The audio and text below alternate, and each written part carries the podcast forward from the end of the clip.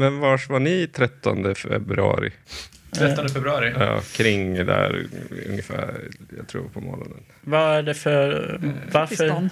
Det, det var ju semmeldagen. Ja, Ja, vars ja. var ni då? Jag var på jobbet. Vi, vi var lite oroliga först att vi inte skulle få en semla. Ja.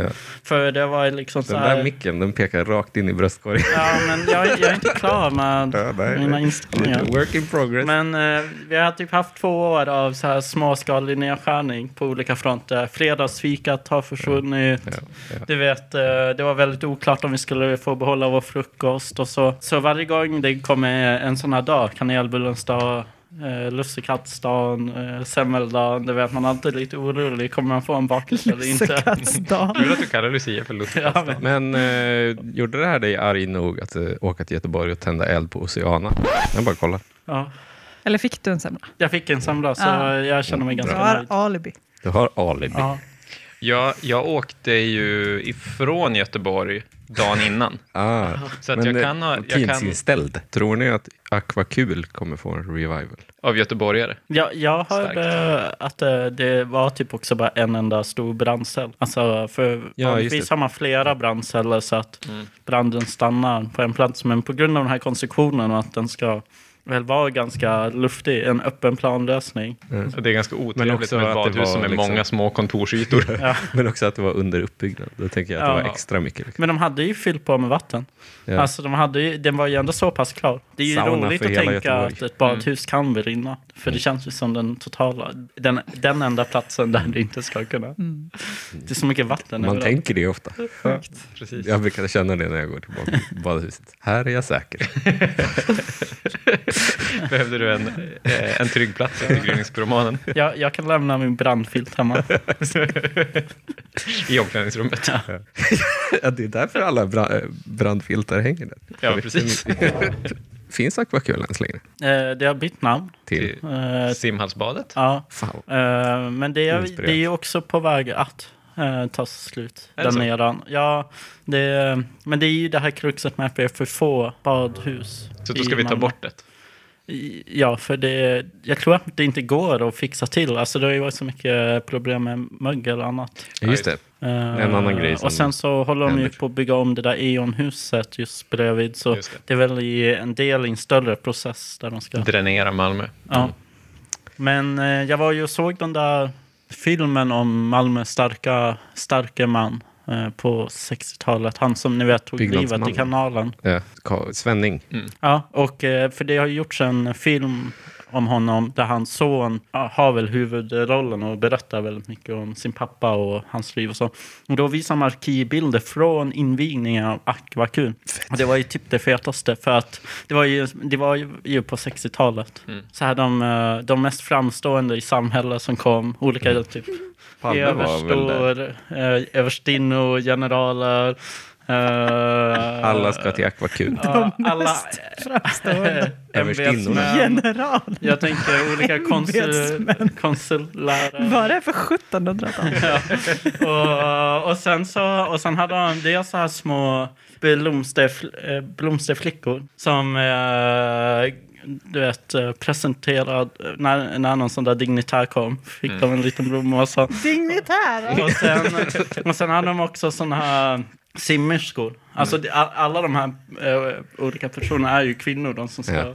på något sätt eh, stå för showen. Eh, och, och väldigt unga kvinnor. Det är lite... Det. Som ska showa för generaler med Ja. stora vita Ja, mustascher. Men och- även överstinnor. Ja, Och sen gjorde de ju så här konstsim och sånt. Alltså, det var ändå fett på något sätt. Det kändes som det, det är så Sovjet som Sverige någonsin har Mm. kunnat vara.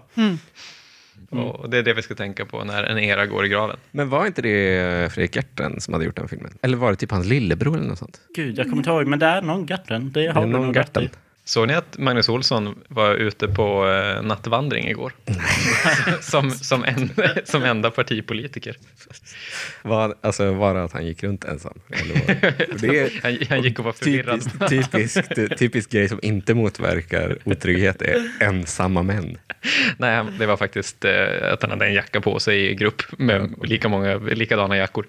Det kan också vara otryggt, men beroende på jacka och människor. Hur, hur såg jackan ut? Alltså inte Sorus of Odin, utan helt vanlig eh, nattvandrare. Jaha. Inte ett mc-gäng. Nej, nej, precis. Jag konstaterade att det inte skedde något bus. Ja. Mm. Det är att människor i området brukar vara rädda för öppen drogförsäljning, men det var ingen öppen drogförsäljning den natten. Mm. Så att Magnus Olsson har fått känna på verkligheten. Gick han ut på Wicker då och trygghetsvandrade? Alltså på appen. Appen Wicker. Ja, Det vet jag. Trygghetsvandrade Magnus Olsson på Wicker. Det tror, tror inte det. Där man kan få sådana annonser. Det här har jag bara fått se i andra hand. Det är så, Okej. Där det verkligen där är så kvadratiska Canva-bilder. Så är det så, det mest mustiga kursen i Malmö. Nice. En, en, annan, en annan sak som hänt, det är att det är furry-konvent. Och det, det, det får mig att känna som vanligt. Alltså, det känns som att det är furry-konvent som vanligt. Jag tänkte också det. Ja. Igen? Alltså är alla nordiska furry-konvent i Malmö? Och är de det hela tiden? Jag har ingen aning vad ni pratar om. Furries. Jaha, Ja, det var ju Konvent för dessa. för dessa. Som de Massor av Ja. vargar från Antwerpen. borta vid Malmö Live. Ja. Jag tittade, jag tittade lite på schemat för eh, det här eh, konventet. Och det är roligt, det är ett jävligt späckat schema faktiskt. Ja. Det, det är ju några tusen deltagare och sådär. De gör jättemånga olika saker. De, de har eh, möten där de inte har masken på sig. De har träffar där de har masken på sig. Det är lite så här, vi gör, eh, vi gör dräkter och workshop. Vi köper och säljer grejer och sånt. Även, även möten för motorintresserade furries.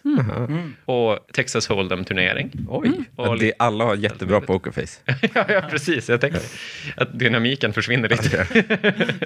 Mycket sämre tv. Ja, ja, verkligen. Det känns också lite som att arrangörerna har ett större intresse för att ha ett späckat schema än att ha ett eh, tematiskt schema. alltså att efter ett tag är det lite, lite så här, ja, vad kan vi göra mer? Ja, ni borde anställa lite verksamhetsutvecklare, furrissarna. Ja, Det är väl den andra gången i kort tid som vi knäcker Göteborg helt enkelt. Eventstaden Malmö. Here we Eh, go. ja, ja, precis. Både Eurovision Song Contest och eh, det här Furry-konventet. Och sen Oceana då. Ja, att vi också bränner ner delar av Göteborgs Ja. eventstad. Du lyssnar på Radio åt alla, en podcastkanal kanal producerad av förbundet Allt åt alla. Dirty old town. Dirty old town.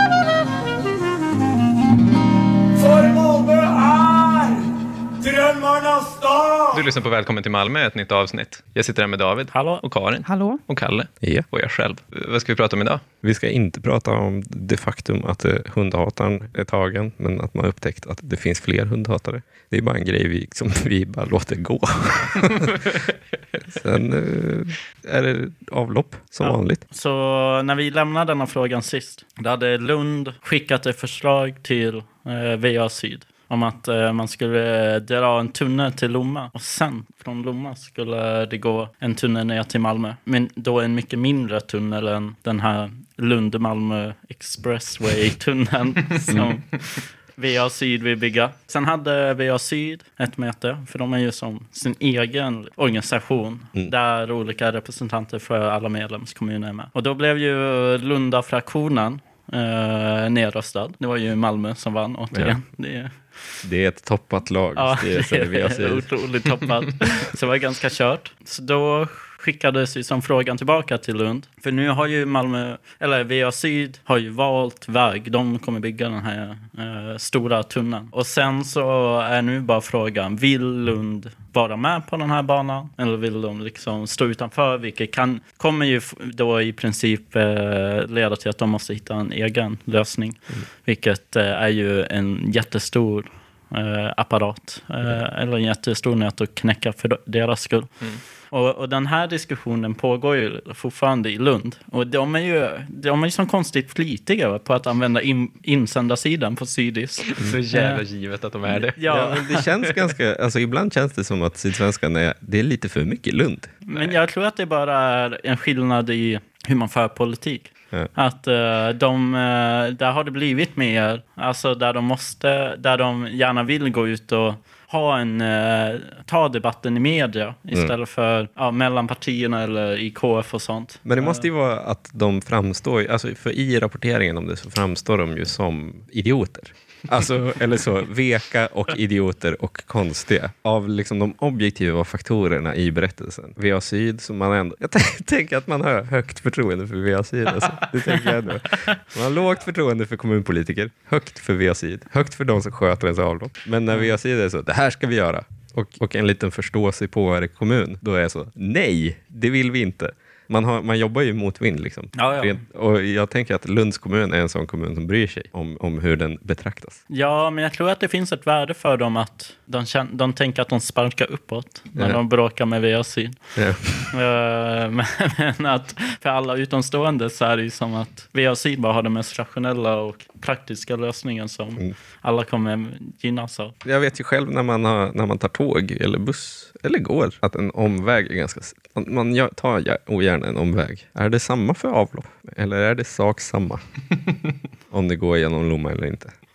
Det är ju en längre väg. Ja, men spelar det någon roll? Nej, jag tror inte det spelar så mycket roll för det kommer nog vara ganska mycket i konstant flöde.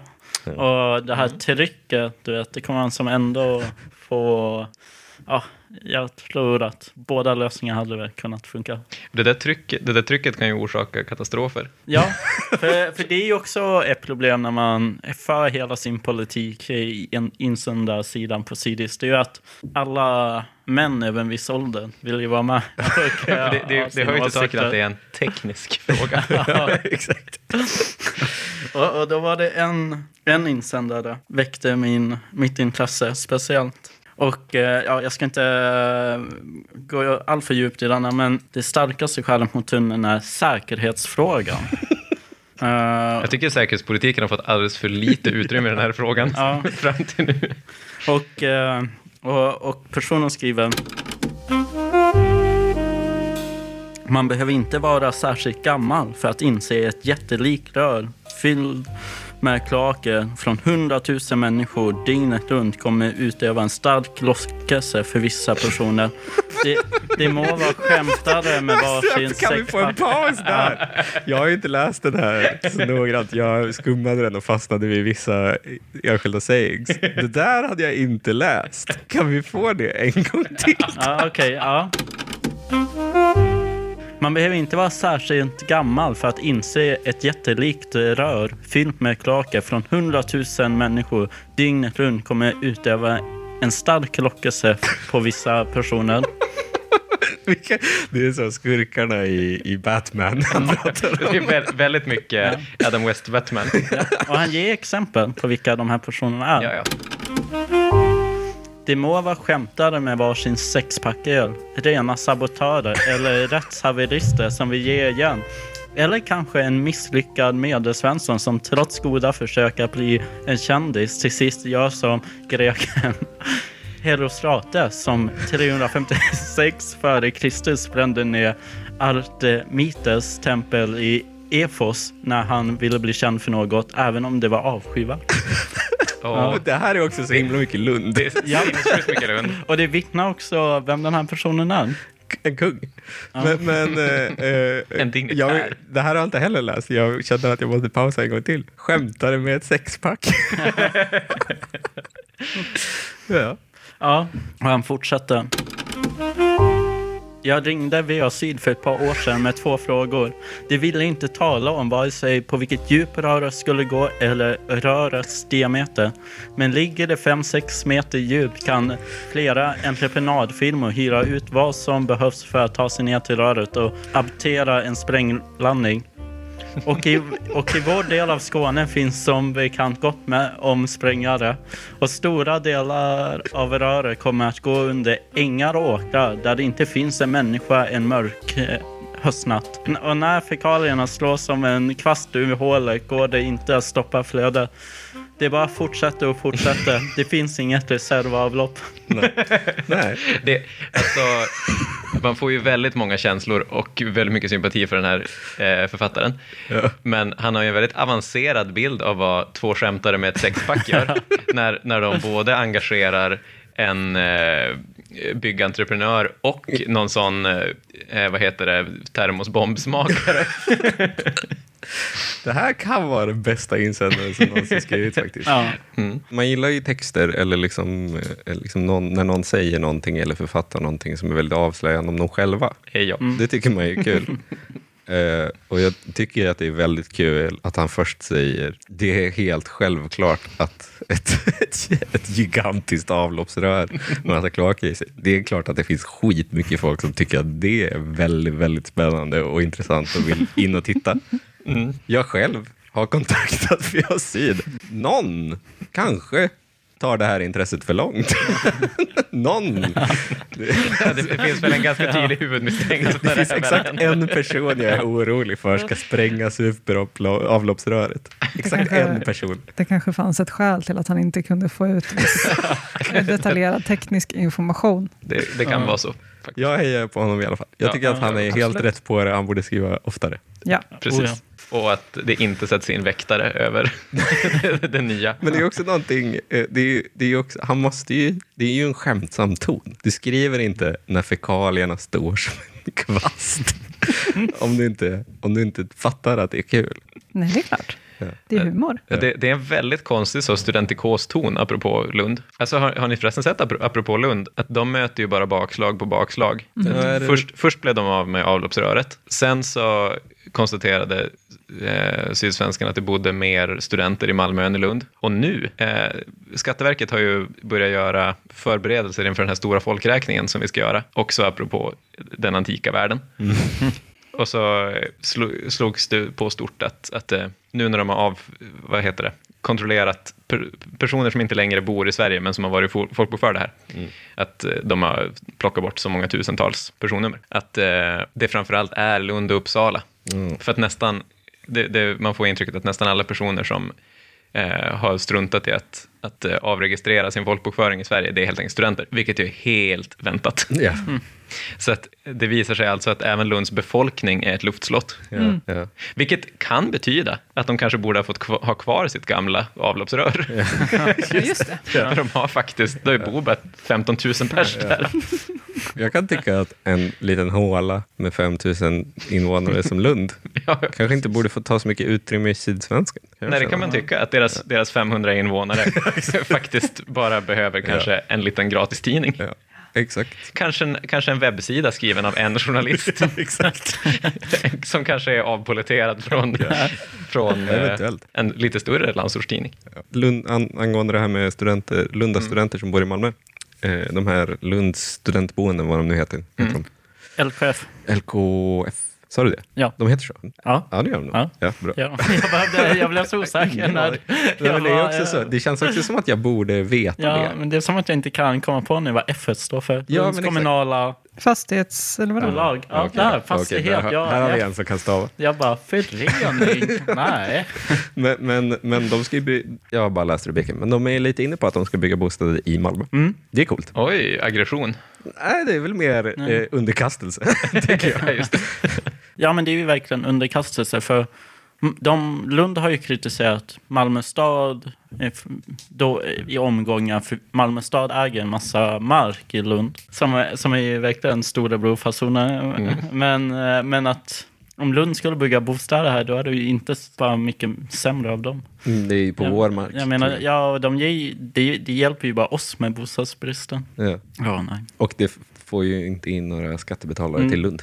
Sidan, om det är studentbostäder, hur mycket skattebetalare Nej, nej, det? ja, just det. Ja. Nej, skitsamma. Men oavsett vad, det är en konstig, lite kul grej. Jag vet inte om det finns någon annanstans. Finns säkert. Det, det, jo, det är det säkert. Jag kan tänka mig att Lund har så bost- LKF också har bostäder i typ Helsingborg. För de har ju någon, så, någon grej i... Ja, det kan jag tänka mig. Och säkert, de skulle nog säkert kunna ha det i eh, Arlev också. Det skulle inte förvåna mig.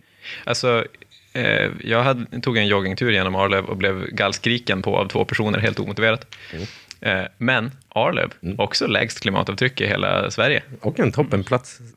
Alltså superbra. Jättefint. Ligger längs med typ en väg. Jättefint. Mycket gamla hus. Och vet ni vem som är därifrån? Nej, Karl Pedal. ja men just det. Jajamän. Alltså, VA Syd kommer ju vinna. Ja. Eh, och och de, försök, de gav ju också en kompromiss till Lund. Där, för det har ju varit... eh, Alltså parallellt med hela vilken lösning det ska bli så har det också varit att om Lund ska vara med, eller om Lund avbryter, så måste de betala en massa pengar eh, för nedlagt arbete. Och det har varit mycket, liksom, hur mycket ska Lund betala? Alltså hur stor del ska de ta av den här stora tunneln som de ändå hade kanske behövt betala om de avbröt. Men då så eh, fick de en väldigt halverad summa. Och det sågs ju lite som ett sätt som att VA Syd ändå ville få med dem. Men, men det har ju också blivit en stor diskussion i Lund om den. Du vet att oppositionen tycker ju även det är för högt. Det är så jävla mycket saker som ska diskuteras i Lund. Ja. Förstå sig på det.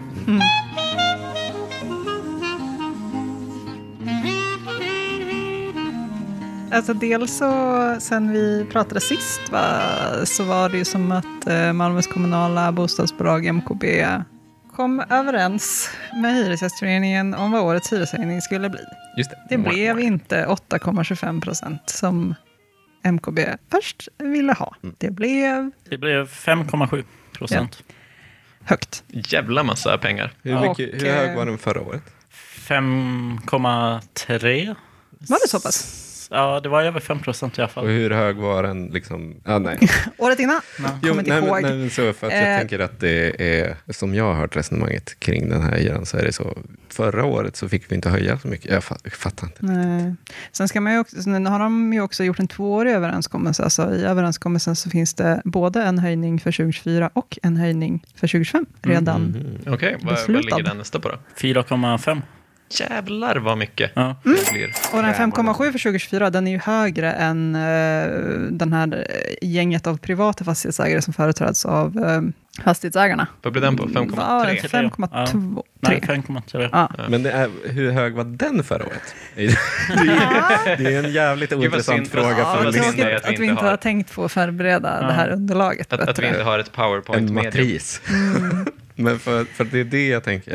Eh, Att de nog inte Förra ens- året var väl MKB och de privata, var väl, den var ju lika stor förra året. Okej. är jag rätt säker på. Eh, Så 5,3 då. Och sen kom det en eh, nyhet lite mer nyligt om eh, en ny praktik i MKB på Rosengård.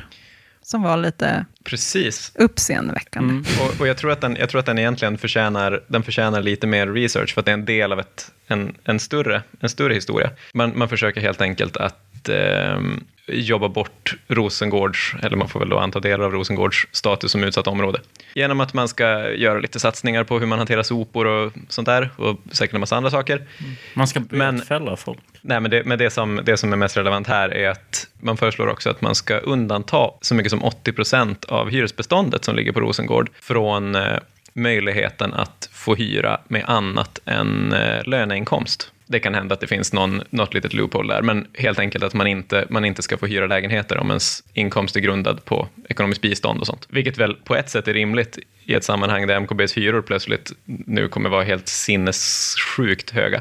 Så att man ändå inte kommer ha råd med det. Men i alla fall, det, det här är ett väldigt stort avsteg från hur MKB brukar jobba och det som har varit kanske det man har slagit, slagit sig för bröstet om tidigare. Att eh, vi, vi går i bräschen för att eh, motverka bostadssegregation genom att vi inte ställer jättehårda krav på vad våra hyresgäster får sina pengar ifrån. Och det är ett avsteg från hur MKB har arbetat i alla fall. Särskilt när det handlar om en så stor del av beståndet. Ja, för det är, ju det, det är ju det viktiga att komma ihåg egentligen. Att Precis. MKBs policy har ju alltid varit att acceptera Precis. eh, försörjningsstöd som, Precis. som inkomst eh, och så vidare. Det, det, det är det centrala. Så att det, det här är ju en ganska, det är som en ganska drastisk ändring.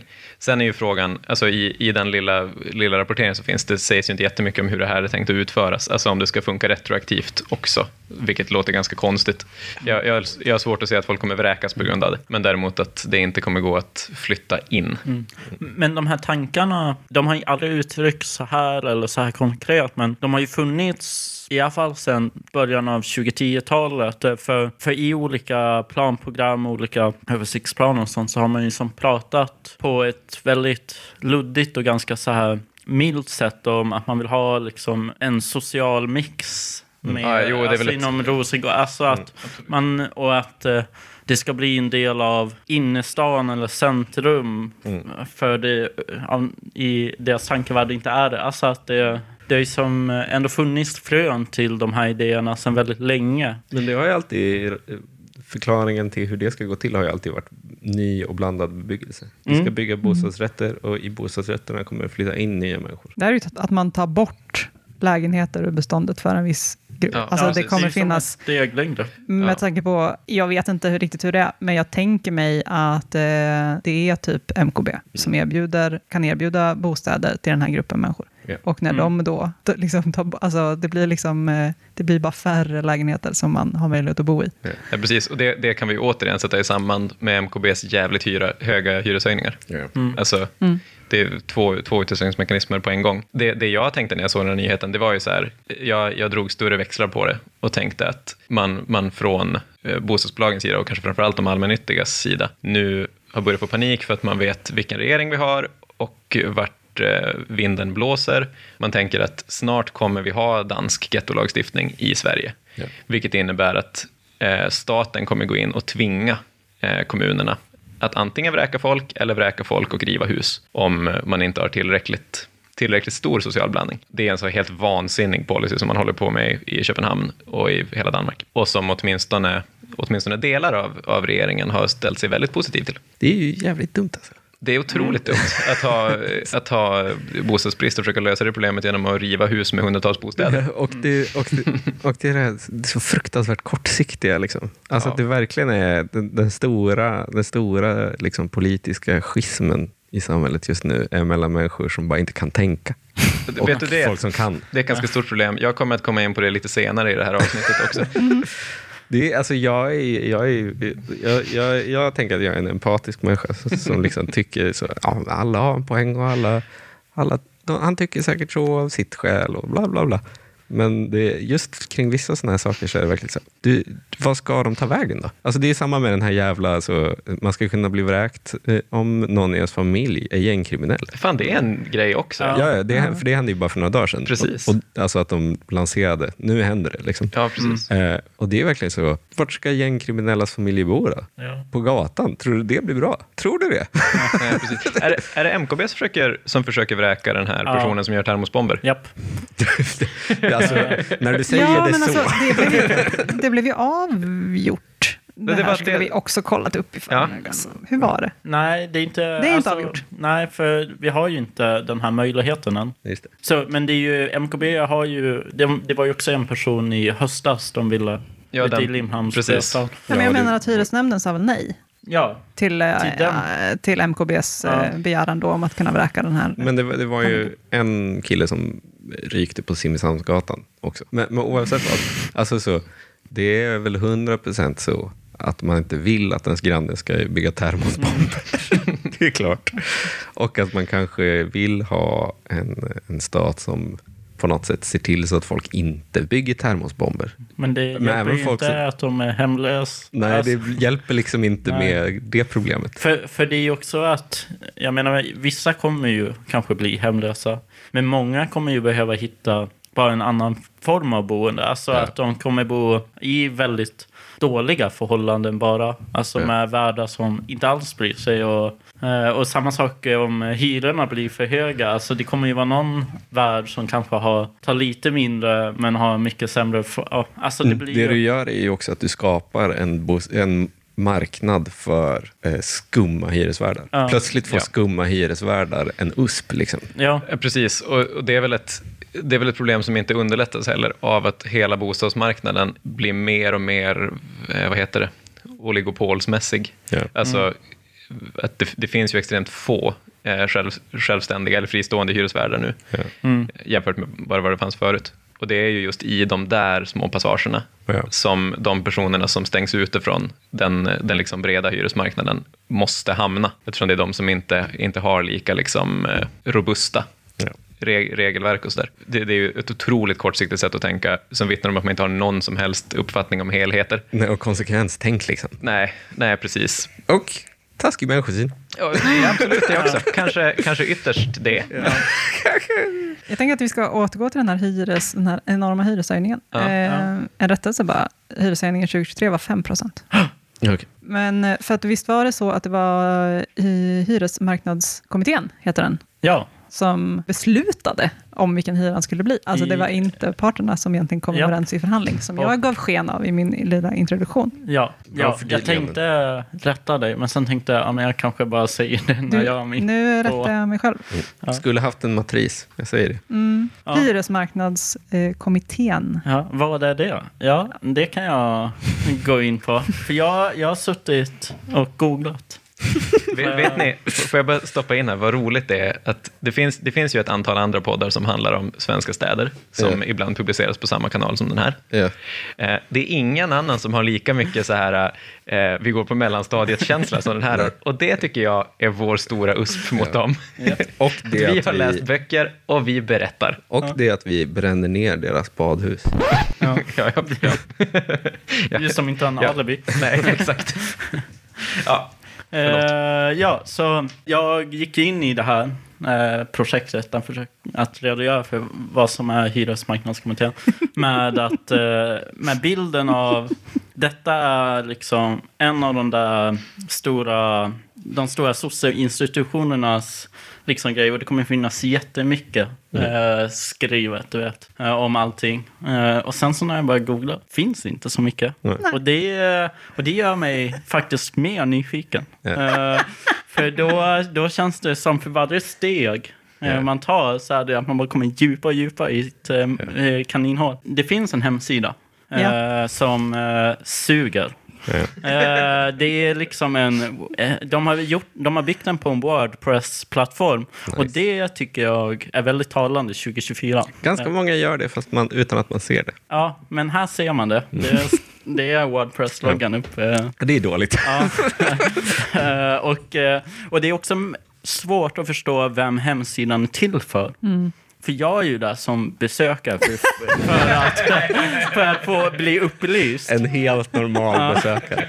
Men, men det är väldigt mycket på den här hemsidan som vittnar att det är för dem som är en del av Typ att det är så här låst innehåll. Liksom.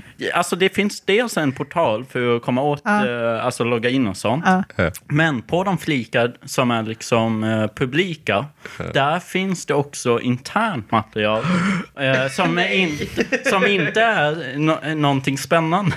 Utan mer bara att det är så här, eh, vem är detta för? Det är som en kalender när de sammanträder och man bara, vem, vem för, utanför behöver veta det? Jag är inte, journalister kan väl vara intresserade av det? eller? Ja, kanske. Men, men det är också så här olika dokument, typ förhållningsregler för förhandlingar.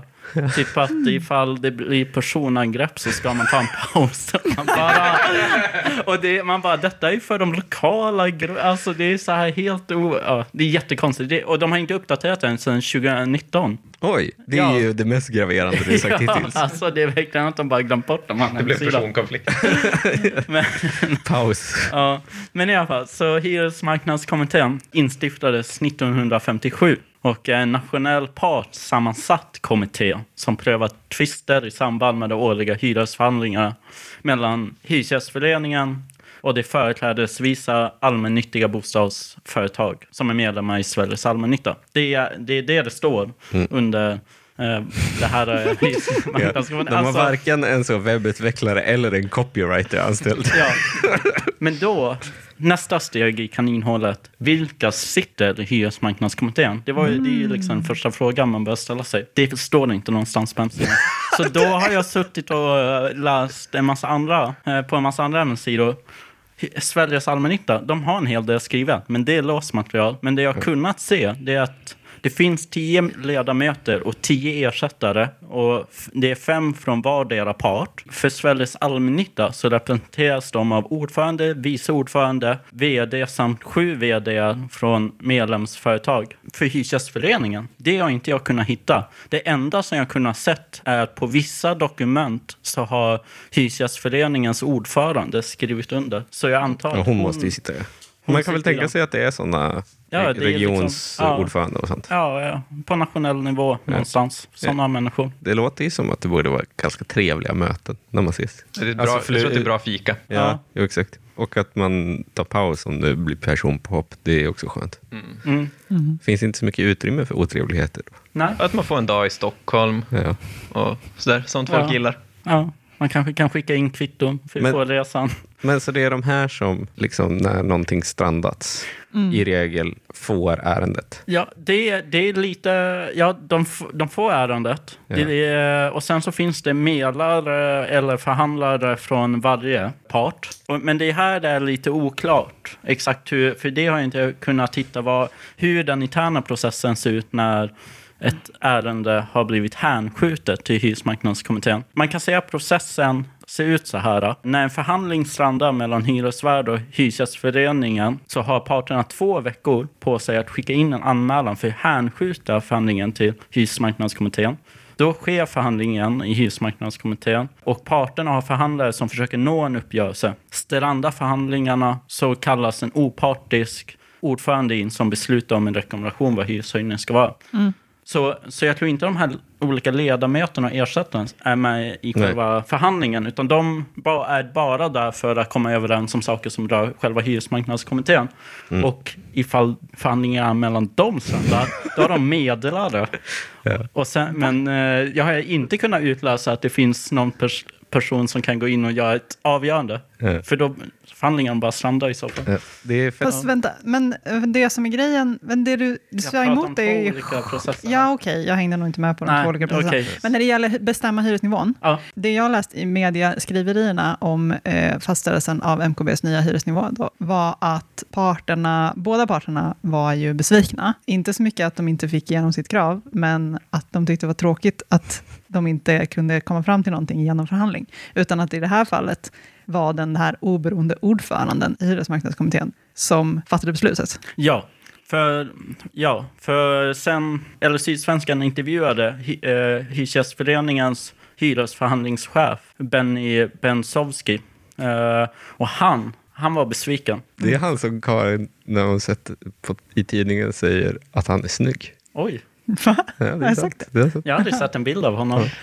Hur skulle du beskriva honom? Jag vill tro att jag hade en, liksom ett mer in, lite mer intressant, Nej, det var att han var väl, alltså att han var stilig. Okej, men alltså... men kanske på ett sätt som är lite oväntat i det sammanhanget. Jaha. Kanske. Alltså att det var det som var, på- jag vet inte. Han, han jag försöker rädda klassisk. mitt eget ansikte nu. Jag har svårt att tänka mig Ja. att jag bara så, oh, vilken pudding, het. Sa du, sa du vilken pudding? Nej, det var inte det jag sa. Eh, Benny Bensowski, den snygga på Ja, Hyresgästföreningen. ja, jag blev nyfiken på vilket sätt han... Alltså, Han är är- det klassiskt jag- snygg? jag skulle eller säga klassiskt snygg, Ja, jag. Ja. Det här är motsatsen till förtal förut. Ja. ja, det är också objektifiering. Men ja, han är i alla fall besviken. Han säger uh, nivån är hög och inte resultatet av en förhandling. Och han vill betona just det, att det inte har fattats eh, med förhandling och saknar motivering. Men det var det jag var inne på. Eh, För det är ju som vi har kommit in på, det här med den oberoende ordförande. Det är i slutändan en person som gör ett avgörande, alltså sätter en hyresnivå eh, som kallas rekommendation. Som eh, trots detta är en frivillig uppgörelse mellan Hyresgästföreningen och allmännyttan eh, ses som någonting de måste acceptera och att eh, hyresmarknadskommittén och den, ord, den oberoende, eller o, opartiska ordförande inte behöver motivera. Så de bara får en, eh, en procentsats. Sen Men då fattar man ju varför man tycker att det är trist. Alltså att det är en grej man gärna inte vill göra. Alltså för det Ja, ja. lämnar ju en del. Ja, Men, Men du Eh. säger, du, det kallas en rekommendation, men i praktiken så är överenskommelsen att parterna ska acceptera den rekommenderade. men Ja. om jag då får backa bandet jättemycket här. ja, kör på. Jag backar bandet supermycket. Det här, att man kan skjuta ärendet till... Hänskjuta. Hän. Genskjuta. Tack för det. Att man, Ska det. Skadeskjuta. att man kan hänskjuta sitt ärende till, vad heter de? Eh, hyresmarknadskommittén. Hyresmarknadskommittén. Det är inte, det gäller, gäller det för alla Det hyresförhandlingar? gäller, det gäller den all, allmännyttan. Bara allmän, ja, okej, bra. Ja, Eh, då känner jag att jag förstår ja, det här för nu. detta är en konstruktion som Hyresgästföreningen och allmännyttan har haft sedan 1957. 1957. Ja. Tror, tror du att det var dignitärer där på invigningen? Dignitärer. Inga hertiginnor åkte runt i ett, ett enda tåg genom hela Sverige. Men jag, jag har verkligen försökt Det, det, fantis- det här är verkligen en sån grej som samma sekund som Zoom uppfanns så var de så, den ska vi ha, det ska vi ha. men, men jag har verkligen suttit och försökt fantisera mig tillbaka till slutet på 50-talet. Alltså vi hade inte samma hy- hyreslagstiftning då. Eh, Så vi hade inte det här med bruksvärde och sånt. Men jag vill ändå tänka mig att det måste ha varit så soft att ha ett jobb i den här hyresmarknadskommittén.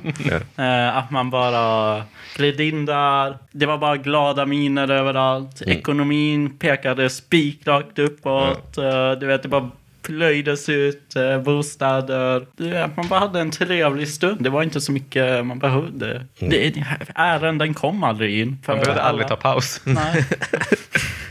Men, men eh, ja, för att gå vidare. Så den här trenden med hänskjutärenden, det har varit väldigt mycket de senaste åren. Alltså, ja, det, det fanns för många exempel eh, på internet. Eh, olika artiklar som handlade om olika allmännyttor som hade strandat förhandlingarna. Och till exempel Gotlandshem har gjort det i fem år i rad. Att de har bara strandat förhandlingarna. Och eh, som för 2024 krävde de 17,53 procent. Ja, jag såg också den siffran någonstans. Ja, och Alingsås eh, allmännytta var också någonstans i den nivån. Eh, för stiftelsen Göteborgs studentbostäder, de har också eh, i fem års tid avbrutit. Alltså att det, det är ett mönster att stranda förhandlingarna. Man tänker att man får, man får ut mer av att göra det helt enkelt. Ja, och vi kommer komma till det. Eh, För att gå vidare om den här opartiska ordföranden. Det är 2016 så lanserade sossarna, som satt då i regering, att man ska utreda hur, eh, hur ja, men, hyreshöjningar eh, hur själva förfarandet skulle ske. I samband med det så började de här två parterna, Hyresgästföreningen och Sveriges allmännytta, ha samtal. Det som kom ut av detta, det var en utveckling av tvistelösningsprocessen i enlighet med det man kallar för strålesamtalen efter utredaren och en uppdatering av reglerna för hänskjutande av tvist arbetsordning för HMK. Uppdateringen som skedde under 2018 innebar eh, möjligheten att ta in en opartisk ordförande om parterna inte kommer överens. Så det är bara från 2018. Ah, Okej, okej. Och då undrar ni ju, vilka är det som är opartisk ordförande? För detta har jag suttit och grubblat Får på. man gissa? Ska vi ha en Ja. äh, hur många är de? Eh, jag har bara hittat ett exempel. Okej, då får vi... Då, Det då, är återigen bara att sitta och Vi kommer generalisera från ett exempel. det alla, okej. alla får gissa varsin. Eh, David får såklart inte gissa, Nej. för David vet. Jag tänker att ni ska försöka gissa på vad de har för yrkestitel, inte kanske specifik person. Nej. Det är lite svårt. Ah, Okej. För jag hade också gissat att det skulle vara någon, sån här, någon gammal sosse. alltså, som har typ varit bostadsminister en gång i tiden. Ja. Men eh, då säger jag, någon typ av jurist känns rimligt. En gammal domare. En, näs, en nästan pensionerad domare. Karin? Landshövdingen. Ja... Någon, en landshövding bara. Måns, vad gissar du? Eh, min gissning var ju eh, för, före detta minister, vilket Ja. inte är, är en yrkestitel. Nej. Men att det är det den Det är är. en bra Ja, beskrivning. Men eh, jag kan säga att Kalle var närmast. Eh, och kanske helt på spiken. Det är eh, Tore Brolin. Tidigare rådsman vid Stockholms tingsrätt. Ja. Yes! Ja. Det var inte så konstigt. Och eh, det är ju typ den här typen av personer Ja. de plockar. Men, eh, men då lite mer bakgrund. Vad är det som har hänt de senaste åren? Alltså förutom eh, att man fick den här nya, eller den här utvecklingen av tvistelösningsprocessen. Det är det som kallas för trepartsöverenskommelsen som är mellan fastighetsägarna, Sveriges allmännytta och Hyresgästföreningen. För det, kom också, det var också som en del av av de här samtalen och utvecklingen. Och det är en vägledning för förhandlingarnas genomförande. Den har varit så svårtolkad för de olika parterna. Speciellt i och med den här inflationen och att vi har gått från lågränta till ja, högre ränta. Om man ska titta tillbaka tre år, vad, du vet, vad innebär det egentligen? Och, så, och det har ju varit väldigt mycket tjafs. Eller det gör ju också att många förhandlingar strandar. För att man räknar på två olika sätt, kommer fram till två olika procentsatser. En hög, en låg. Så vad ska man ta? Eh, utredningen 2016, den eh, hade ju också en påverkan på den privata sidan. Ja, men från 1 januari 20, 2023 så kan eh, hyresvärdarna nu vända sig till en skiljeman i hyresnämnden för att lösa förhandlingarna. Det är egentligen ett, ett parallellt system. Ja, Det är ett parallellsystem. Eh, så för privata värdar är ju inte en del av allmännyttan. Nej, precis. så Precis. De, måste, de vill ju ha ett liknande system Ja. som Hyresmarknadskommittén. Så det går via liksom hyresnämnden. Ja, men, och där är det att har man inte nått en överenkommelse eh, om en ny hyra inom tre månader så kan hyresvärden eh, vända sig till hyresnämnden för att utse en skiljeman. Och skiljemannen ska återkomma med en rekommendation om hyresjustering inom sex veckor. Och med en rekommendation så är det ju helt enkelt en ny hyra. Men det är väl det, vi har ju nämnt det flera gånger eh, tidigare, just det här med det nya oberoende tvistelösningsförfarandet.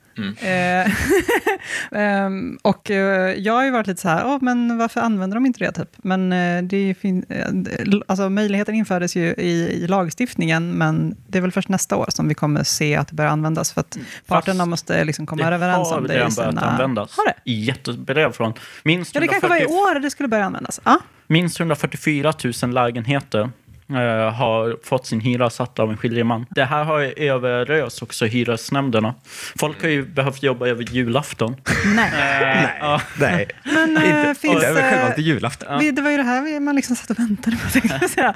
Finns det något, liksom, alltså kan man säga någonting om utslaget, alltså utfallet? Jag, jag vet faktiskt inte. Alltså det är ju svårt att säga eh, om utfallet just för det är ju hur man, hur man ser om hyran är för hög eller för lågt satt. Alltså det är ju också en tolkningsfråga från, hyra, från hyresvärdarnas sida. Då har de ju kanske behövt acceptera en hyra under 17 procent och då är den ju liksom för lågt satt. Eh, Men jag har, jag har inte sett någon statistik av så här hög eh, har snitthyran blivit av de här skiljemansförfarandena. Alltså Man- man hur har hög höjningen se- har blivit i förhållande till eh, parternas ursprungliga krav. Ja, eller liksom i förhållande till eh, de förha- där, de, där hyran har satts via en förhandling. Mm. Alltså det hade ju också varit intressant att se. Men, men jag tänk, jag tänk, Skillnaden mellan när hyran sätts en skiljeman och Mm. när hyran sätts i en förhandling. Ja, det hade Ja. ju varit intressant att se. men jag, jag tänker att det är som min hänga på, på budgetar. Att de inte går att jämföra ett års budget med nästa års budget. Mm. Eh, att det är lite samma sak. Just det här med att du kan, man kan inte riktigt jämföra saker. Nej. Alltså för att varje år är unikt. Absolut. Mm. Så är det. Förutsättningar. Alltså så det, gör, det gör det ju extremt svårt att forska på Mm. Just eftersom att du kan rikt, inte riktigt jämföra saker med varandra. Nej, och det, det, är också, det är också svårt när det handlar om, alltså när sakerna du har att jämföra med är en förhandling respektive de- den här oberoende, Ja.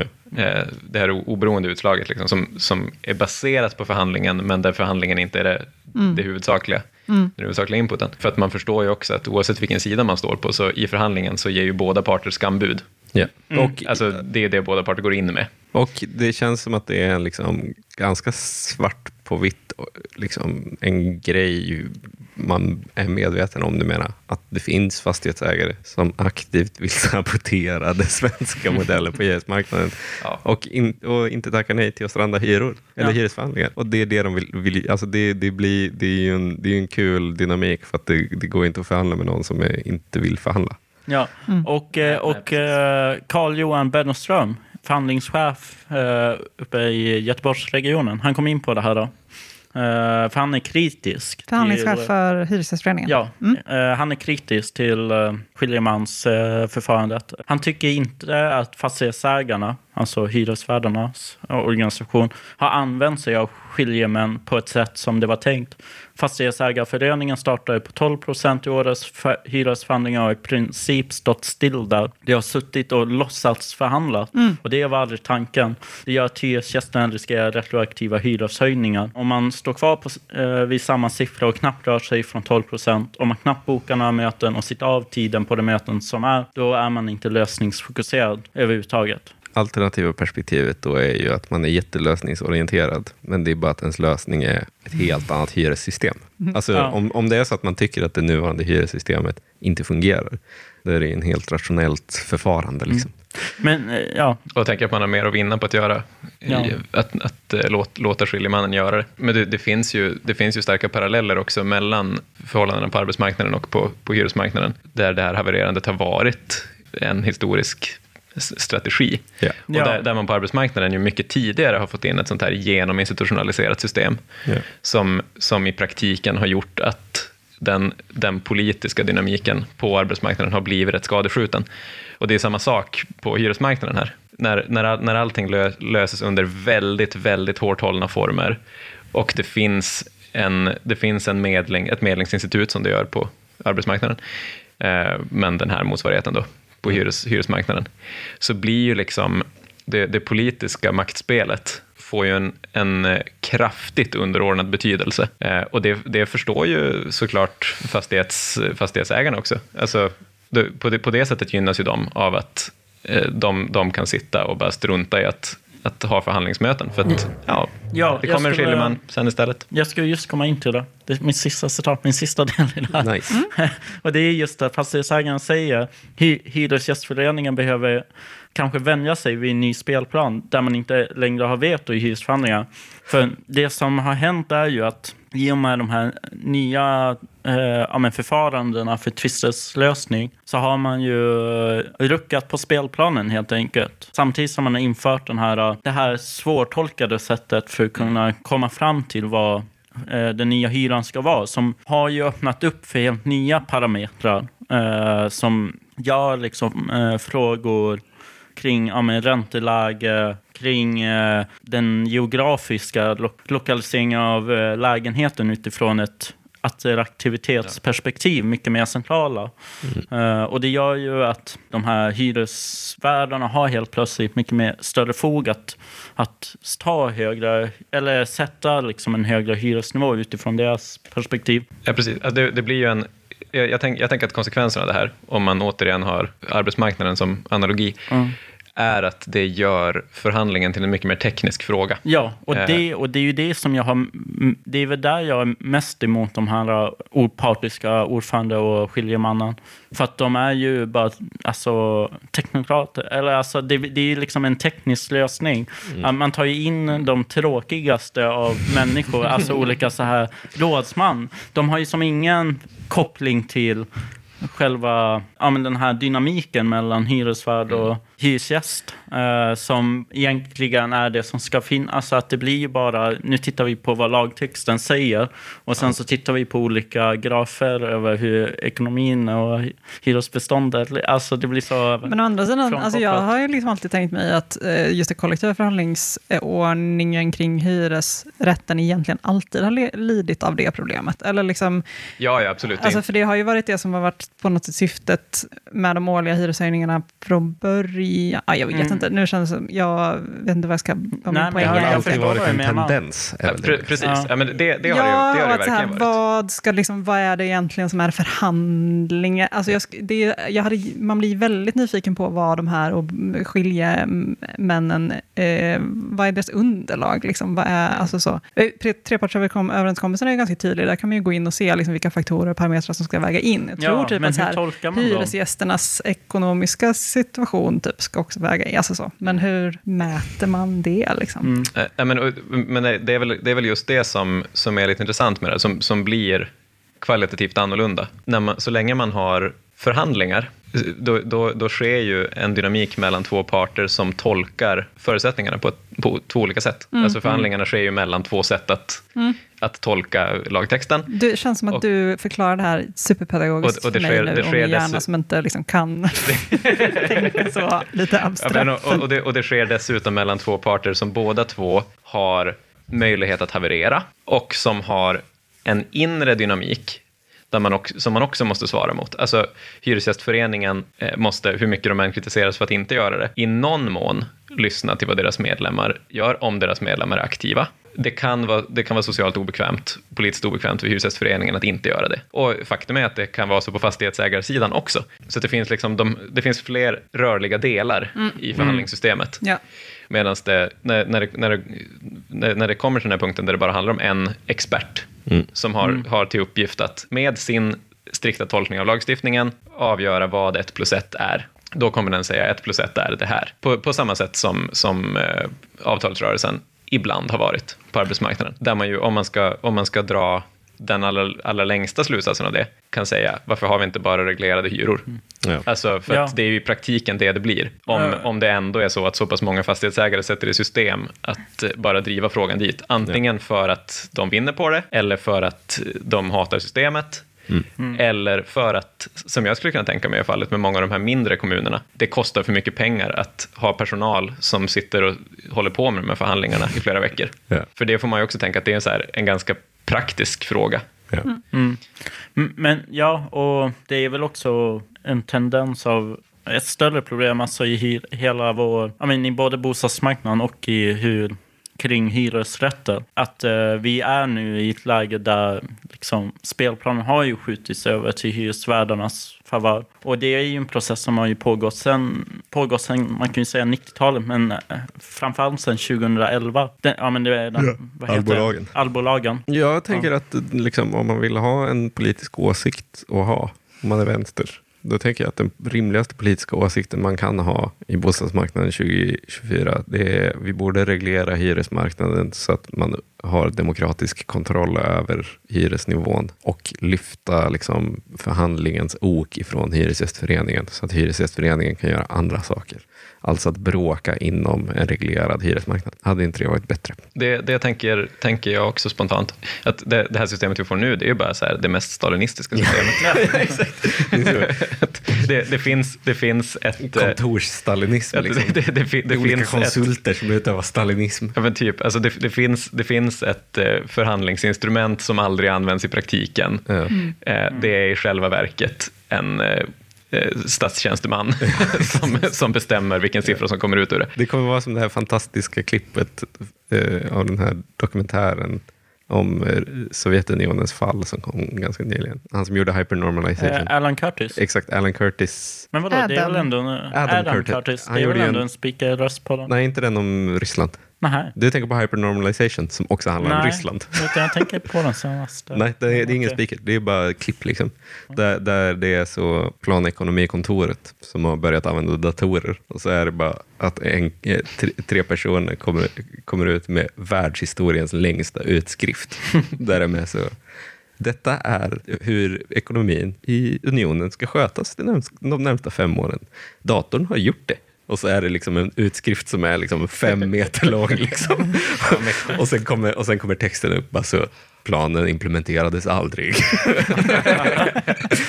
Och slöseri med papper. Men alltså lite, eh, lite apropå Ja. det kollektiva förhandlings... Den svenska modellen. Eh, eller vill du lägga till någonting? Alltså jag bara en, Ja, li, lite, mest bara eh, en, en liten rolig grej. Det är att när jag satt och googlade kring skiljemän. Dels så finns det bara sju personer som har anmält intresse. Alla till att vara skiljemän. Vadå, i hela landet? Ja. Och, och i en Hur många hyresnämnder finns det? Eh, ja, men jag vet, jag vet talat inte. Men eh, jag tror att man kan skicka uh, digitalt. Det kommer de nog behöva göra då. Eh, men, men det var en, i en, någon eh, på hyresnämnden som resonerade att det finns bara 20-30 personer som skulle kunna vara aktuella. Ja. Och att för dem inna, att ha, inneha den kompetensen. Ja. Men på hyresnämndens hemsida så kan man göra en intresseanmälan att vara. Gjorde du vad, är, vad är det man behöver på CV då? Det är att man är Eh. man och skild. Ja, eh, nej men det står faktiskt inte. Eh, det, Jag kan komma på ett gäng. ja. men det är bara att anmäla igen. tycker Ja. jag. ja, Ja. Tänk om man kanske har jobbat en del som handläggare till exempel. till exempel. Ja, om man är född till att handlägga, då borde man född, vara född till att skilja.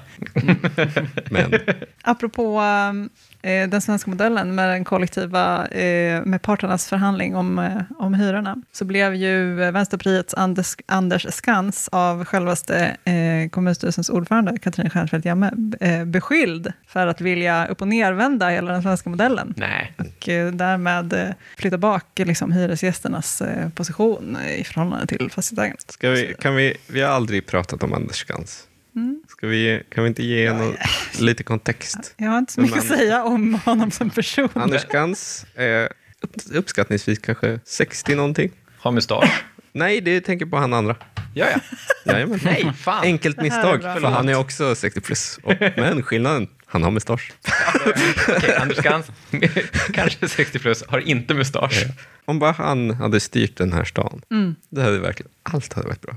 Hade Jag tänker bra. att Anders Skans som ordförande för alla nämnder, utom den så parkernämnden, vad heter den? Nej, vad heter den? Gatu... Gatukontoret, vad heter det? Det är väl det en, en del av tekniska Ja. nämnden. Okej, Anders Gans tar alla nämnder. Gunilla Ryd, som alltså också är en 60 plus vänsterpartist, hon får tekniska nämnden. Mm. Då, hade, då hade Malmö varit så bra det kan bli. Ja, det tror jag också. Eh, hade varit glada barn överallt. Breda cykelvägar. Ja, djur hade kunnat prata. Det hade varit mjölk och honung längs med trottoarerna, rinnandes ur stuprören. För han är bara en så fruktansvärt förtroendeingivande och trevlig person, verkar det som. Ja, Jag har verkligen. aldrig pratat med honom. Han, eh, han blev beskylld, men han var inte skyldig. Nej. Det kunde alla som tittade på webb-tv-sändningen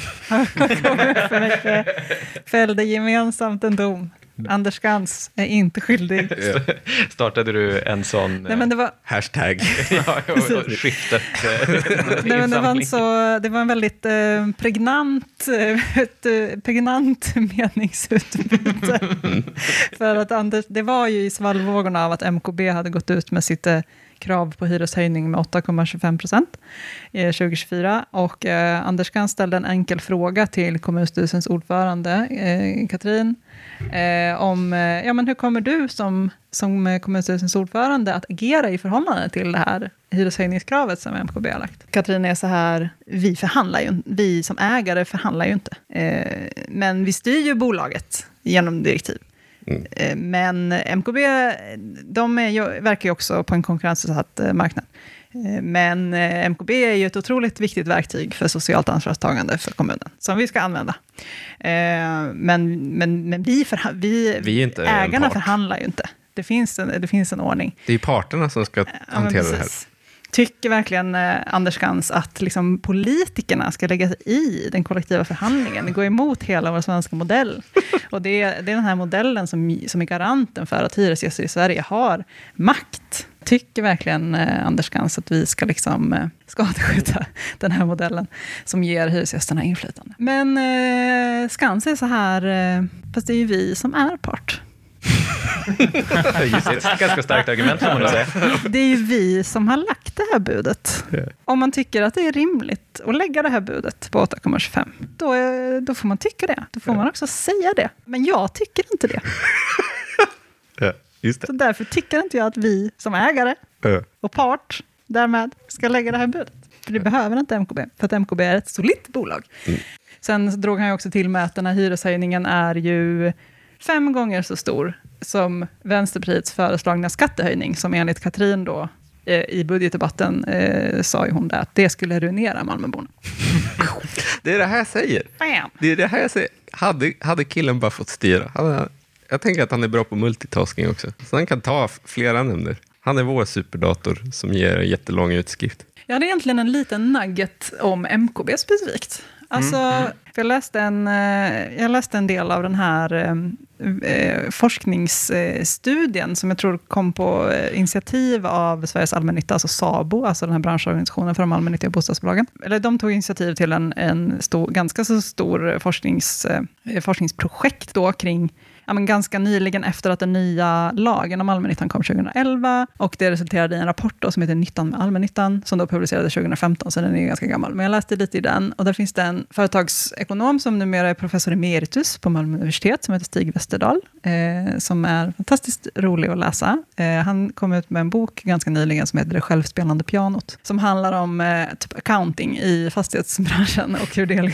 påverkar eh, allt. Men han gjorde lite iakttagelser, han gjorde lite intervjuer med olika kommunala bostadsbolag och deras ekonomichefer och liksom hur de använder redovisningspraktiker. Och vad de här redovisningspraktikerna säger om sy, alltså vad de, hur de själva ser på sin verksamhet i förhållande till den här spänningen då mellan att allmännyttan ska liksom ha ett, ta ett samhällsansvar, men också vara affärsmässig, som ju var den här nya, liksom, med den nya lagen så lades ju tyngdpunkten mycket på den affärsmässigheten. Men han gör några iakttagelser då om att Alltså det handlar ju egentligen om att det traditionella sättet att, att eh, beräkna värdet av investeringar, typ, gör, liksom i sig förstärker den här tendensen att det, är liksom, det betraktas bara som affärsmässigt eller liksom företagsekonomiskt motiverat att bygga eh, väldigt dyra bostäder i fina områden och att om man ska renovera så måste man renovera väldigt mycket. Typ. Eh, finns inbyggt i sättet som man beräknar vär, värdet idag av pengar imorgon, alltså så, när man investerar pengar och sådär. Och det är liksom praxis, det gör, eh,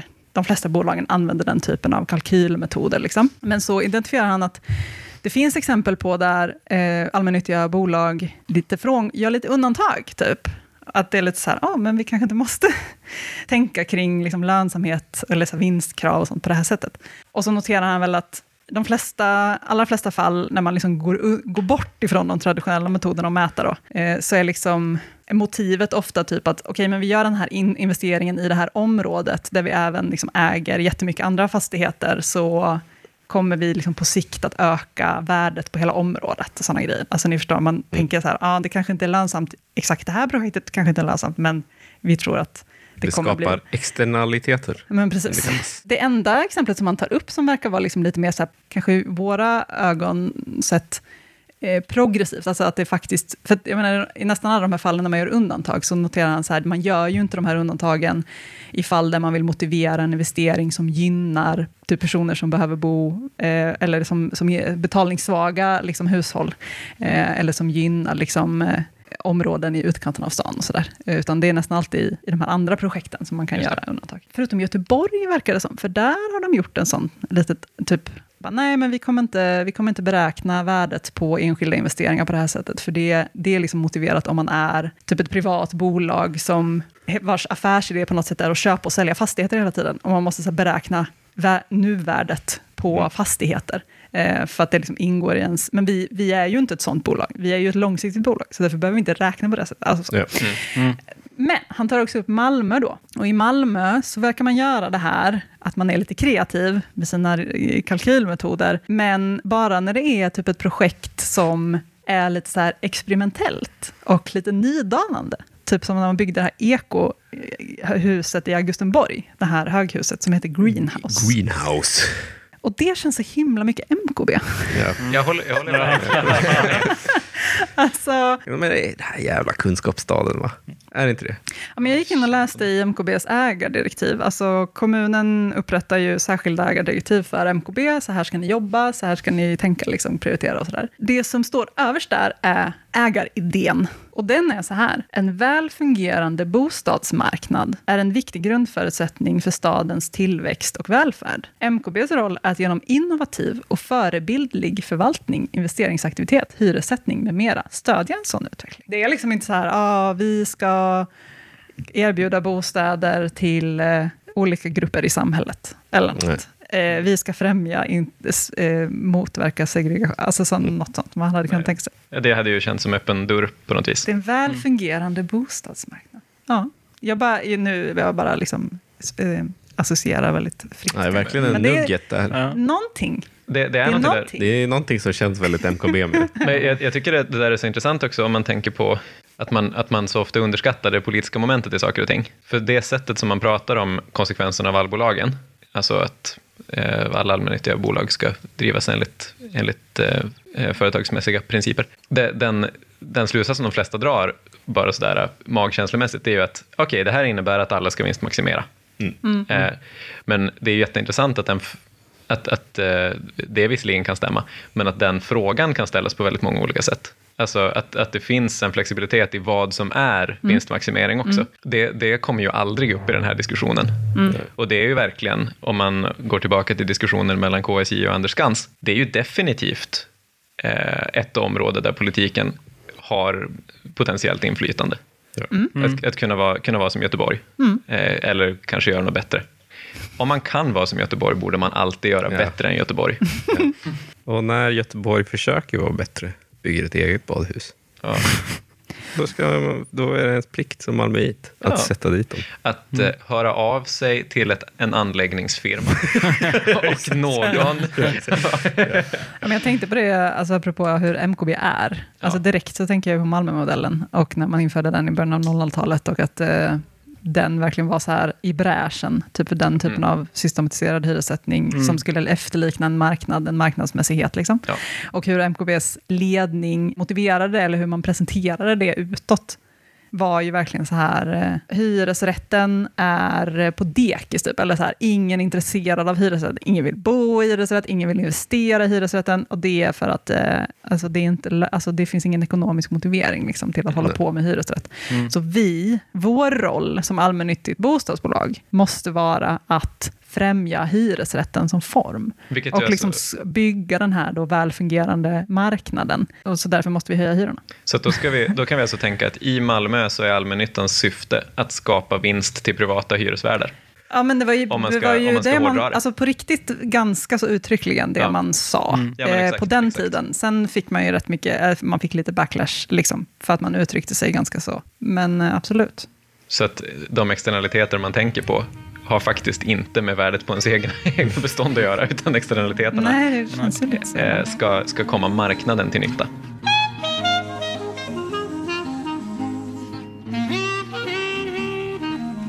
Jag vet inte om, om eh, hur mycket ni har pallat läsa ur de senaste dagarnas mediestorm, både i Sydsvenskan och nästan identiska artiklar i DN, som handlar om eh, en rapport som har kommit från kommunrevisionen Eh, i Malmö som handlar om hur Malmös förskolor och Malmö socialtjänst arbetar med hedersvåld. Eh. I nyhetsrapporteringen så står det att kommunens experter sågar eh, förskolornas arbete med, mot hedersvåld vid fotknölarna och socialtjänstens. Trots att hedersvåld är ett mycket eh, mycket utbrett problem i Malmö eh, så får vi nästan inte in några orosanmälningar som handlar om, eh, de misstänker att barn lever i en hederssammanhang. Både Moderaterna och SD har gått ut med pressmeddelanden. Moderaterna vill att det här ska behandlas tidigare i nämnd eh, än vad det skulle ha gjort annars. Eh, och man menar att Malmö stad sviker sina barn och sånt där. Och att man, i det här finns också en idé om att man, man, eh, man anklagar förskolorna för att anställa personal som själva bär upp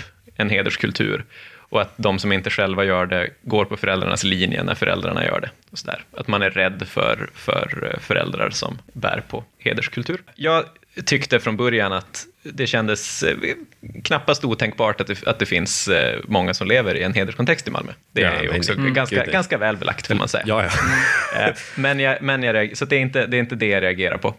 Däremot reagerade jag snabbt på tonen i den här debatten. Och i, till debatten räknar jag faktiskt också Sydsvenskans journalistiska arbeten, alltså själva reportagescenen som handlat om det här, som har, har slagit på väldigt stora trummor med information som är ganska diffust uttryckt. Jag har helt missat det här. Ja, ja men det, det, det är ganska lite substans i det, så Ja. det tycker jag inte gör så mycket. Så jag, jag såg helt enkelt till att, att kolla vad det faktiskt är de grundar, grundar allt det här på. Så i morse så satt jag, jag satt och läste själva rapporten från revisorerna. Jag läste också de tidigare arbetena som man tar in som underlag för den här rapporten. Och det, det finns liksom oerhört mycket oklarheter i det här som gör att jag, att jag får en känsla av att, att eh, man hanterar det ganska oansvarigt och framförallt väldigt populistiskt från politiskt håll. 2019 så skriver forskare på Örebro universitet en eh, bok som handlar om utsatthet för heders, hedersvåld i de tre storstäderna. Man kommer fram till att väldigt, väldigt många niondeklassare i Malmö lever i sådana här sammanhang. Som person som gått högstadiet i Malmö Ja, så kan jag vittna om att det finns. Ja, precis. Nej, men det, det är inte, det är inte speciellt, speciellt förvånande. Och man, då är man också ganska, det här är en forskningsrapport, så den är ganska så här, noga med vad man faktiskt pratar om när man pratar om hedersvåld. Det, det handlar helt enkelt om, om begränsningar av människors sociala rörelsefrihet eh, som understöds av ett, ett större, ofta släktbaserat. Ja, och, system. och det är väl just det att det inte bara är att det inte bara är dina föräldrar som är kontrollerande. Nej, exakt. Utan exakt. att det, det finns en större kontext. Exakt, är och det, det det är väldigt, väldigt viktigt i sammanhanget får man säga.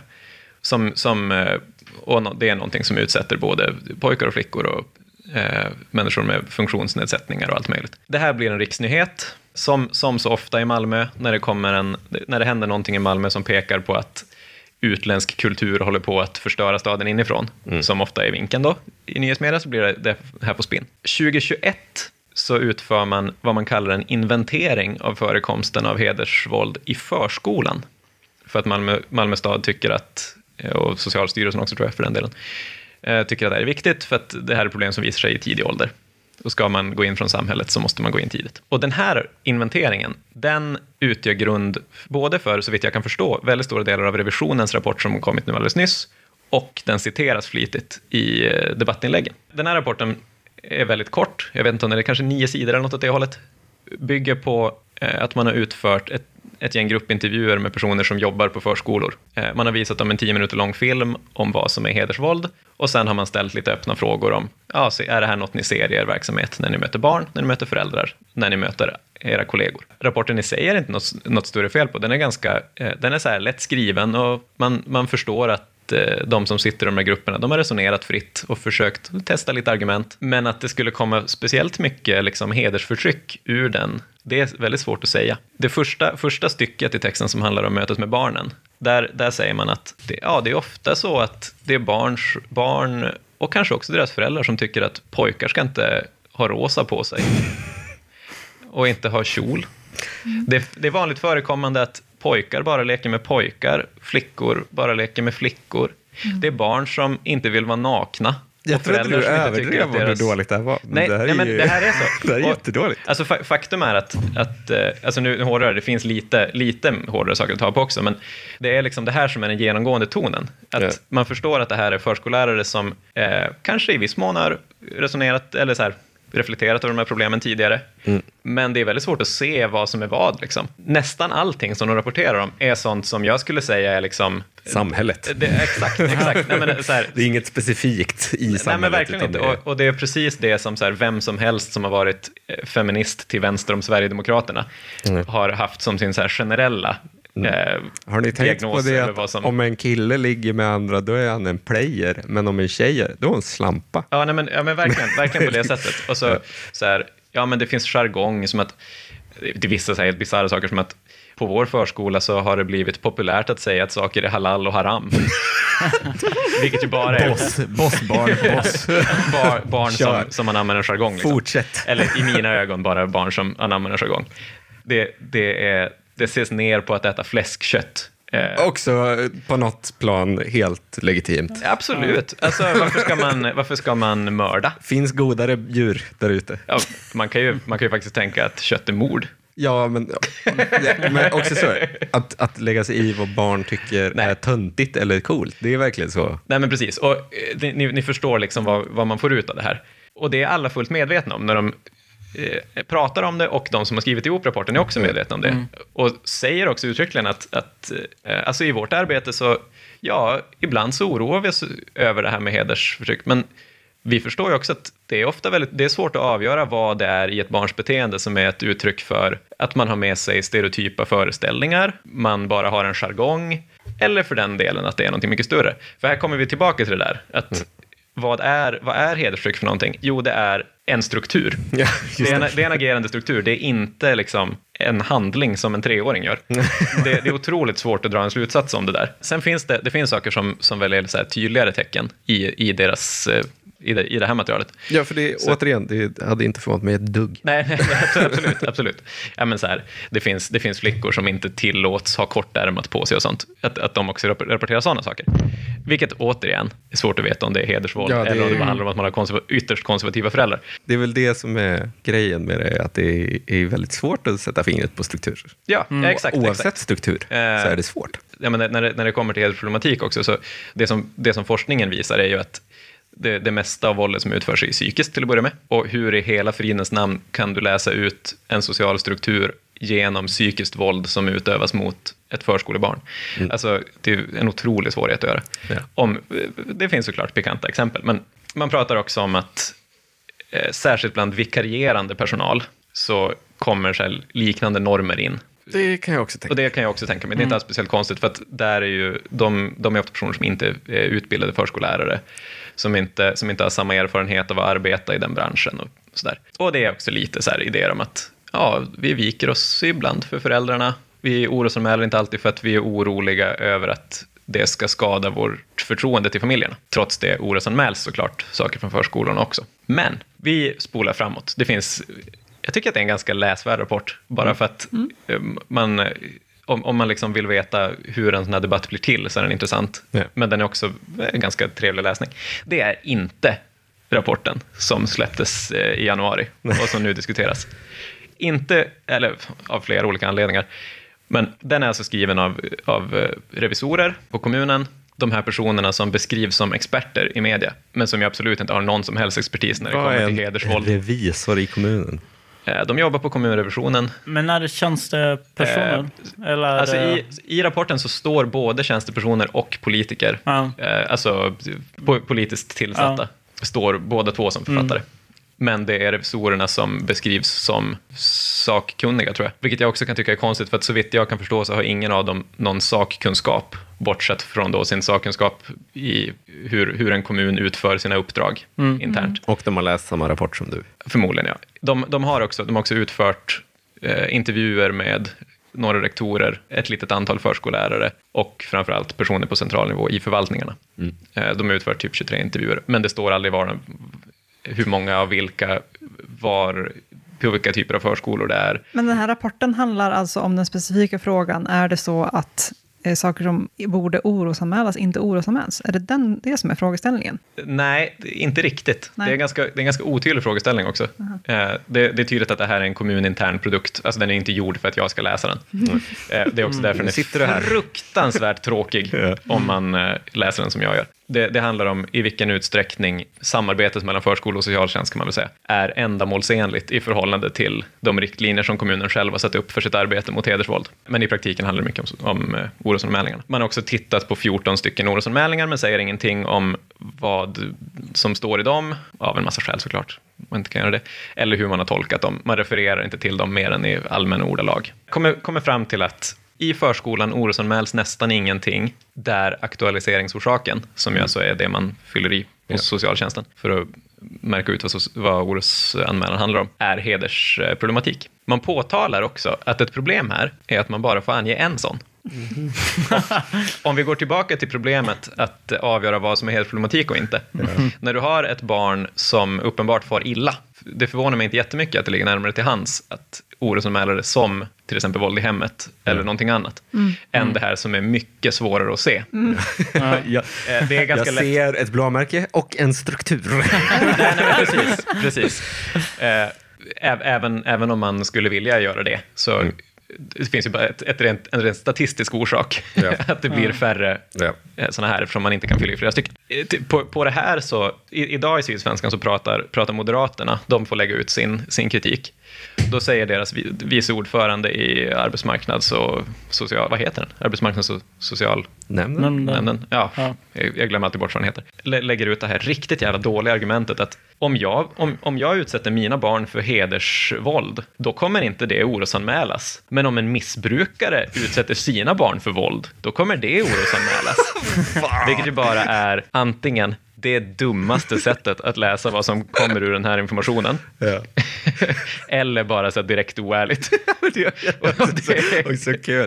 Testa gärna det. Testa det. Nej men precis, Det är precis. typ, typ de enda som blir orosanmälda. Ja, pr- precis, och fram, framförallt där det leder någon vart. Ja. Nej, men så det, det är en sak. Sen säger man också i, i eh, rapporten, och det är väl den andra stora saken som, som tas fram, eh, personal i förskolan viker sig för föräldrarnas eh, hederskulturer. Antingen för att personalen själva delar hederskulturen, för att de är rädda för föräldrarna, eller på grund av LVU-kampanjen. Det här är ett påstående som beläggs med referenser tillbaka till den gamla rapporten från 2019 och med hänvisningar till att man har gjort intervjuer med personer inom central förvaltning. Och eftersom det, det är ett totalt otransparent material så är det helt omöjligt att säga vad som sägs i intervjuerna i central förvaltning. Mm. Central förvaltning betyder också många saker.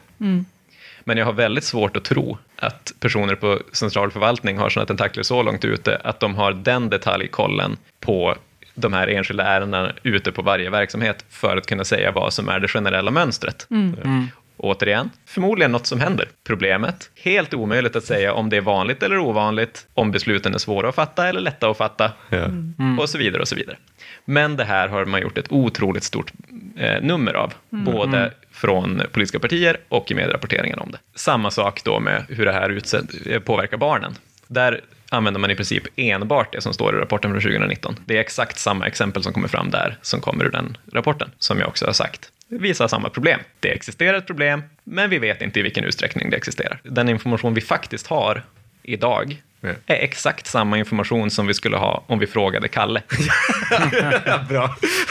ja. ja, fan. Det är fan exakt det det är. Ja, det, är, det är en person som har gått i en skola och kan säga det verkar ganska rimligt att det är på det här sättet. Att, att det här överhuvudtaget får luft Ja. tänker jag beror på det jag sa i början, det vill säga att det finns en etablerad berättelse om Malmö. Den finns om Sverige överhuvudtaget, men Malmö är det som görs till exemplet i, i berättelsen. Vilket också är så jävla oberättigat för övrigt. Ab- Absolut, men i alla fall. Att det existerar en, man säger inte längre muslimsk, men man menar i praktiken muslimsk, parallell kultur som håller på att äta upp samhället. om inte äta upp det så åtminstone sluka dess, många av dess döttrar. Och att det finns eh, någon typ av, av PK-maffia som antingen för att de är för dumma för att se det, för att de böjer sig under hot eller för att de själva aktivt driver det, låter det hända.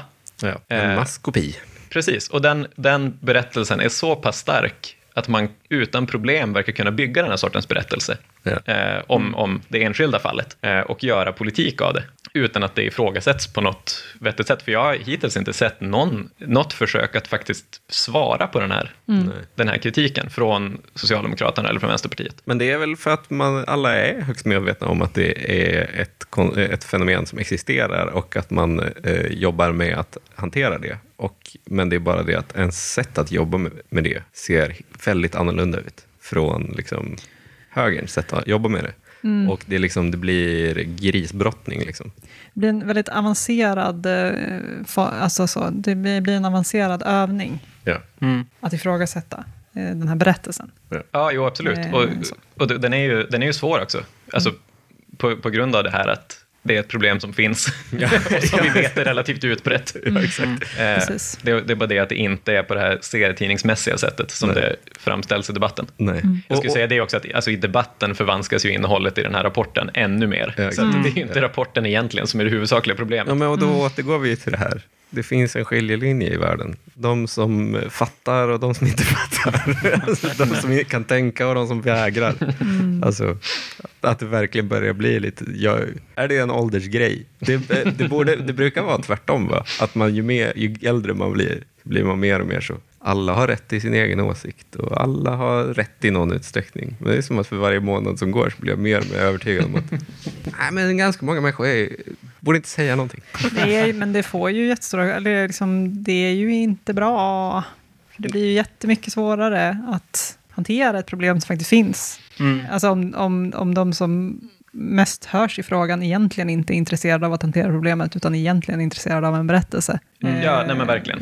verkligen. Och det, det tänker jag att man ser också på de här de förslagen på lösningar som kommer. Alltså det här kravet på att, att man ska utbilda folk i att orosanmäla allting. Det är klart att det finns en poäng i det, men det visar ju också en total oförståelse för svårigheterna som finns i sociala yrken. Ja. Alltså, det, är sant, det är förmodligen sant att förskolepersonal skulle kunna veta lite mer om vad en orosanmälan faktiskt är. De är det finns säkert många där som, är, som också är lite för oroliga. Ja. Alltså, som tänker att det är mer disciplinerande än vad det faktiskt är. Men samtidigt så är det ju en disciplinerande åtgärd. Ja. Och om du, har, om du har ett jobb som bygger på att du har tillitsfulla kontakter med folk så kan du liksom inte vara den disciplinerande åtgärden hela tiden. Nej. Och det återkommer ju alla de här diskussionerna om kriminalitet och sånt också. Eller som förslag, det var populärt ett tag att lägga fram förslag om obligatoriska ginkontroller i utsatta områden för att skydda folk från, från eh, könsstympning. Och det var väl typ ingen som kunde något om det där som, som tyckte att det lät som en bra idé. Ja. Till att börja med för att man faktiskt inte visste jättemycket om utsträckningen på problemet, men all, all forskning på det visade att det händer jättesällan i Sverige. Ja. Men det är ett jätteintegritetskränkande, jätteintegritetskränkande åtgärd. Så, där. så att bara ett, ett till raden av sådana här förslag som kommer ut för att man är helt ointresserad av vad problemet faktiskt är. Det som, det som istället, tycker jag, ja, men som du var inne på lite, att hedersbegreppet används mycket mer på samma sätt som integration också gör, som ett sätt att disciplinera konservativa åsikter Ja. hos, så länge de hålls av invandrare. Ja. Och att såklart disciplinera invandrarbefolkningen i stort. Men, men det, det finns ett väldigt här, starkt eh, eh, åsikts, åsiktsregistrerande. Ja. Jag ser framför mig en sån kille med en sån t-shirt där det står om du kommer och knackar på min dörr för att ta min dotter ut på dejt, då skjuter jag dig i huvudet. En sån, och jag äger en Volvo och är 47. en, en sån Det kan också sägas att i den här rapporten från 2019, eller inventeringen som den kallas, där kommer det också fram så här, ja annars det är också ganska vanligt att barn och deras föräldrar säger att de inte får leka med mörkhyade. Fan, Så att, deppigt alltså.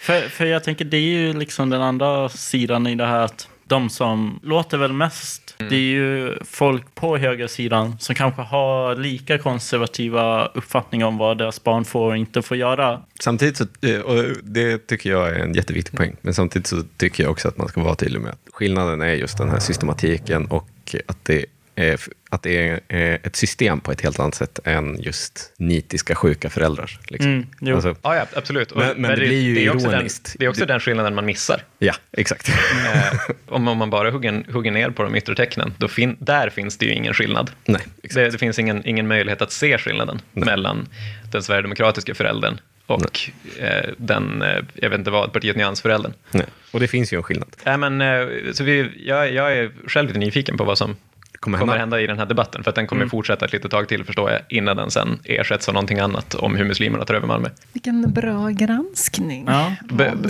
bra, bra, bra granskningar av elevrådsordförande 1, 2 och 3 här. Dirty old town.